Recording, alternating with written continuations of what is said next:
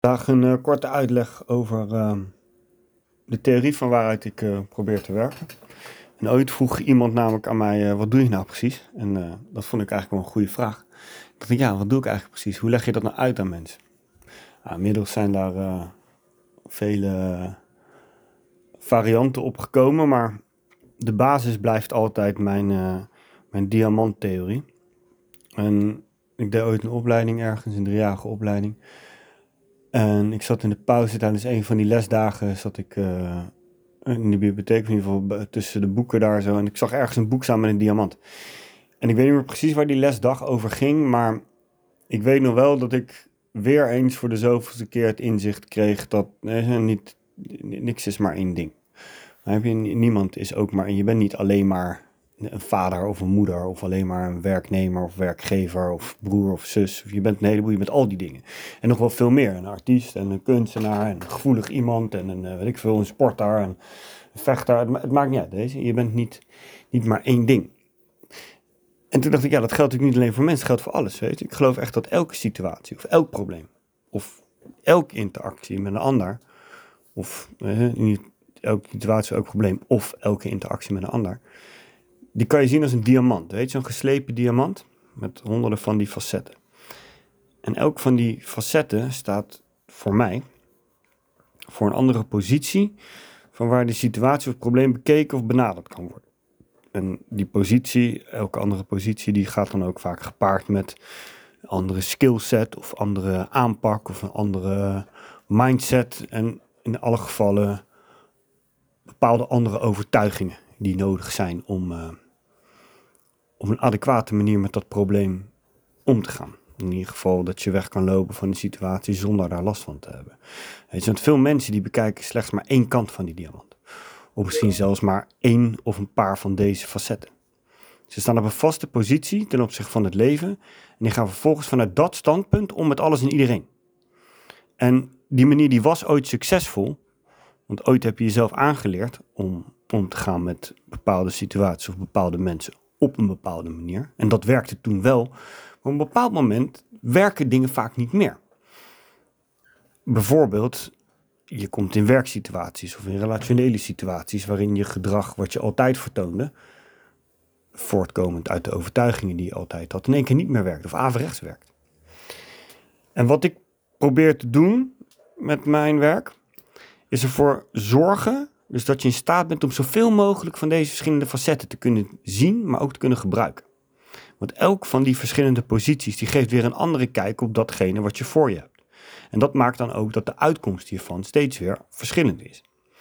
En hoe meer opties je hebt, hoe langer je kan doorgaan tot je de juiste hebt de juiste manier hebt gevonden om om te gaan met bepaalde situaties. En dat kan alles betekenen. Dat kan betekenen van dingen op een andere manier zeggen tot gewoon afscheid nemen van bepaalde aspecten van je leven. Als dat het beste voor jou is, in alle eerlijkheid.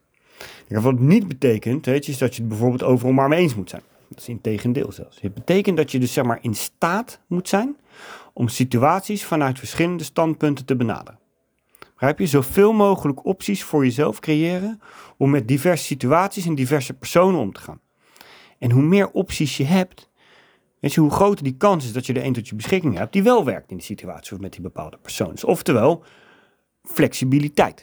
Flexibiliteit in overtuigingen, flexibiliteit in skills, flexibiliteit in kennis, flexibiliteit in misschien wel wat voor taal je gebruikt en op welke manier. En op welke manier je praat. Of je wel of niet uh, je lichaamstaal gebruikt op de juiste manier of niet. Al dat soort dingen. Dingen als overtuiging van, nou, dat zijn toch alleen maar domme idioten die begrijpen het niet, dus hoeven die naar te luisteren. Gewoon al, al dat soort dingen.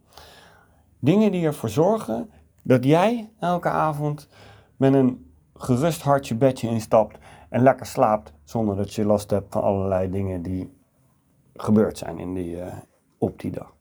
Dat jij weet, dat jij in ieder geval op de juiste manier vanuit een goed en oprecht hart hebt weten te handelen met de kennis die voorhanden is.